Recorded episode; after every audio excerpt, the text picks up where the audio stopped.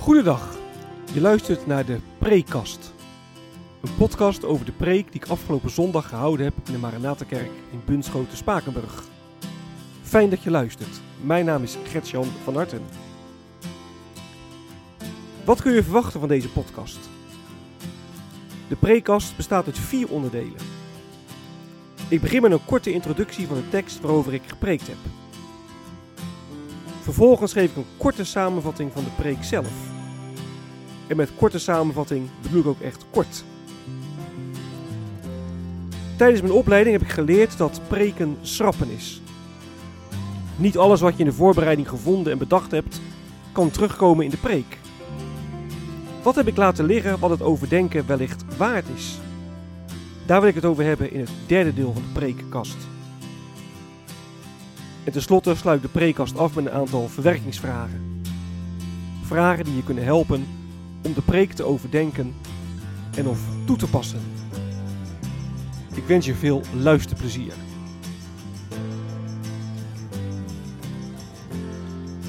De tekst.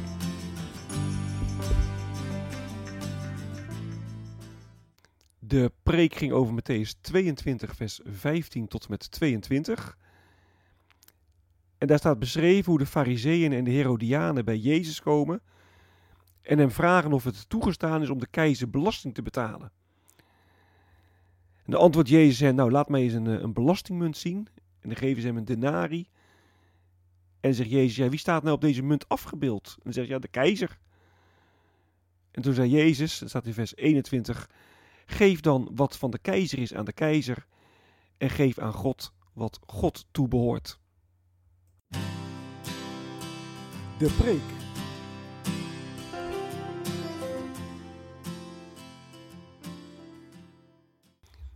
Leef voor God, want je bent van Hem. Dat was het thema van de preek. Nou, voor de fariseeën was het wel duidelijk, hè, die Jezus van Nazareth die moest gestopt worden. Hij was een godslasteraar en hij moest sterven. Er was echter wel één probleem. Jezus was ontzettend geliefd bij het volk.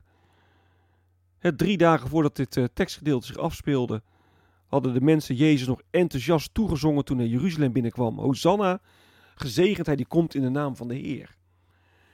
En daarom bedenken de fariseeën een list.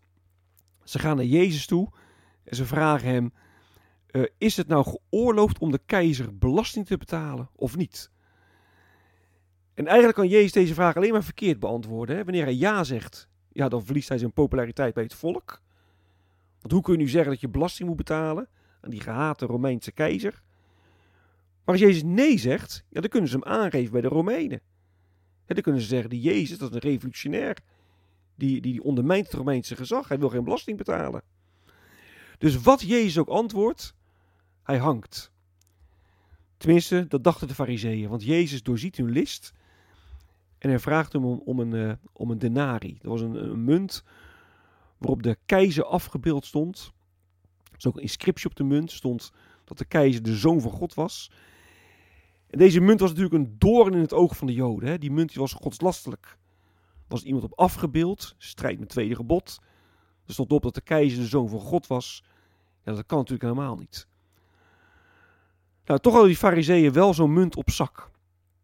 En Jezus die, die vraagt dan, ja, wie staat er op die munt afgebeeld? Dan zegt ja, de keizer. Nou, zegt Jezus, geef dan aan de keizer wat van de keizer is.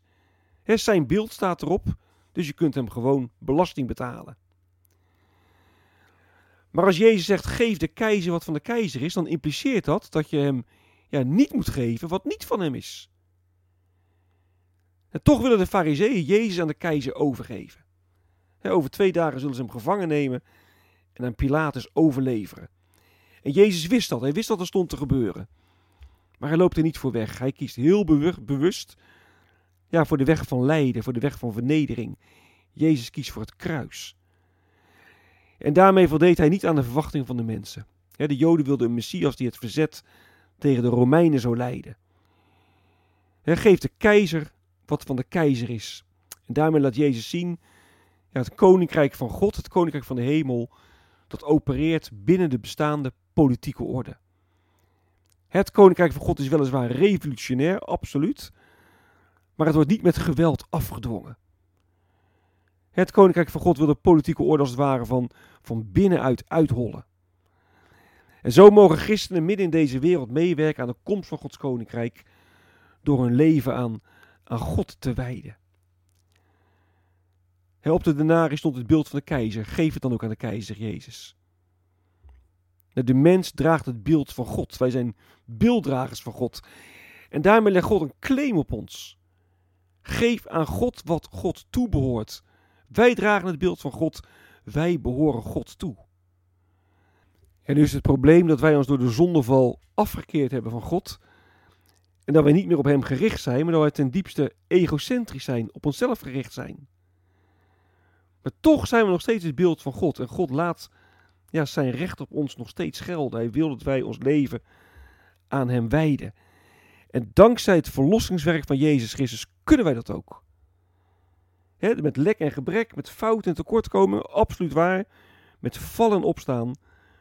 Maar dat neemt niet weg dat Jezus met zijn dood en opstanding ervoor gezorgd heeft dat wij een, een nieuw leven kunnen krijgen. God legt beslag op ons hart en hij wil met en door zijn geest ons denken en verlangen veranderen. Geef aan de keizer wat van de keizer is en leef met heel je hart voor God, want je bent van Hem. Wat is blijven liggen?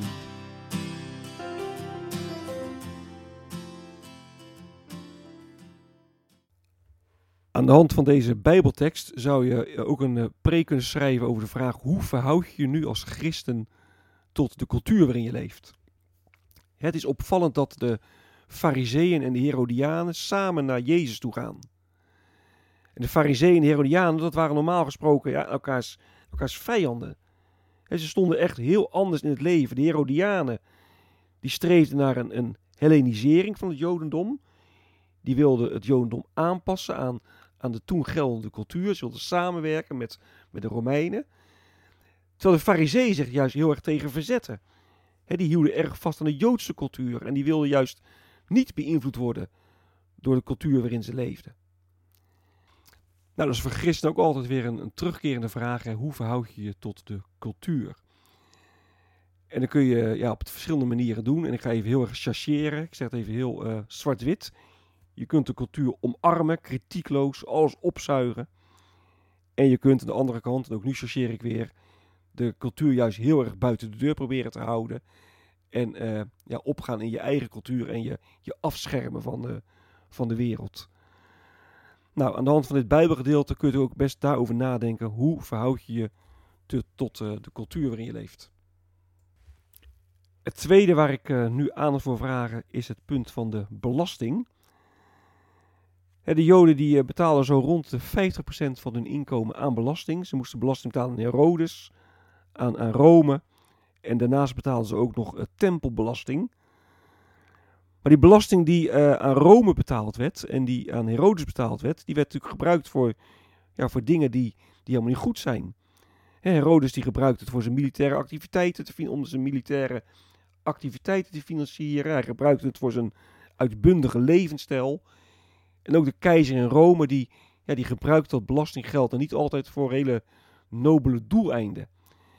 Kun je dan uh, als christen, als gelovige wel belasting betalen? Hè, die vraag die, die hoor je vandaag ook wel. Wij betalen belasting, maar met ons belastinggeld wordt bijvoorbeeld ook uh, een abortuskliniek gefinancierd. Of er wordt uh, geld gegeven aan bepaalde organisaties in het buitenland, waarvan je af kunt vragen, ja, is dat wel verantwoord? Nou, um, er zijn dus christenen die zeggen, nou, dat is een van de redenen dat ik toch maar een beetje sjoemel met het invullen van mijn belastingpapieren. En dat kun je ook zo op die manier verdedigen, want ja, de overheid gebruikt het geld toch verkeerd. Nou, dat deed eh, Herodes en Rome ook. En toch zegt Jezus, geef aan de keizer wat van de keizer is. Ik heb daar eh, in de preek verder geen aandacht aan besteed, maar nou, daar kun je ook dus verder over nadenken. En het laatste wat ik wil noemen is de vraag of Jezus met zijn antwoord geef aan de keizer wat van de keizer is, het, het, het onrecht niet in stand houdt. Het koninkrijk van God is revolutionair, maar Jezus roept niet op tot revolutie. Hij roept niet, niet op tot, tot acties of tot gewapend verzet. Maar hou je daarmee het onrecht niet in stand? Nou, dat is ook een vraag waar natuurlijk over nagedacht kan worden. Verwerkingsvragen.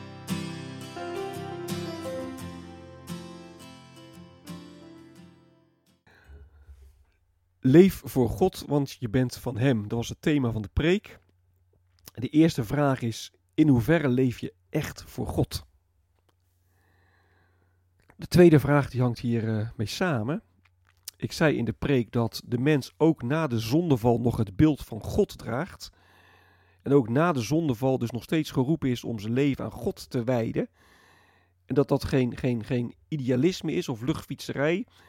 Maar dat Jezus Christus en met zijn verlossingswerk ervoor gezorgd heeft dat we ook echt voor uh, God kunnen leven. de Heilige Geest die wil in ons aan het werk gaan, ons denken en doen uh, veranderen. En de vraag is, ja, in hoeverre merk je nou echt dat de Heilige Geest je denken en doen verandert? Ik begon uh, de preek met te zeggen dat ik geen donderpreek ging houden. Dat het geen preek zou worden over belasting betalen, dat je niet mag zwart werken. Want, zei ik, um, ik ben niet geroepen om donderpreken te houden. Ik ben geroepen om het evangelie van Jezus Christus te brengen. En natuurlijk, dat kan scherp zijn, dat kan confronterend zijn. Maar uiteindelijk is een preek geen donderpreek, maar verkondiging van de blijde boodschap. En daar heb ik een stelling aan vastgekoppeld. En die stelling luidt: Het is juist goed als er wel van tijd tot tijd een donderpreek gehouden wordt. En de laatste vraag is: hoe werk jij midden in deze wereld, midden in deze cultuur, mee aan de komst van Gods koninkrijk? Dit is het einde van de prekast. Mocht je vragen of opmerkingen hebben, dan kun je me mailen op mailadres van hartengretjan.gmail.com van hartengretjan.gmail.com Ik wens je nog een hele prettige dag. Hartelijk dank voor het luisteren. En wie weet, tot een volgende keer.